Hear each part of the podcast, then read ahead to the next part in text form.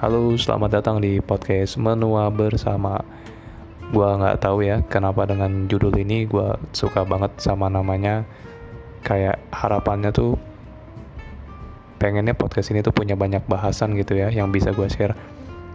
Bahasan sehari-hari mungkin tentang saham, kejadian-kejadian viral, makanan atau mungkin trik-trik berjualan ya.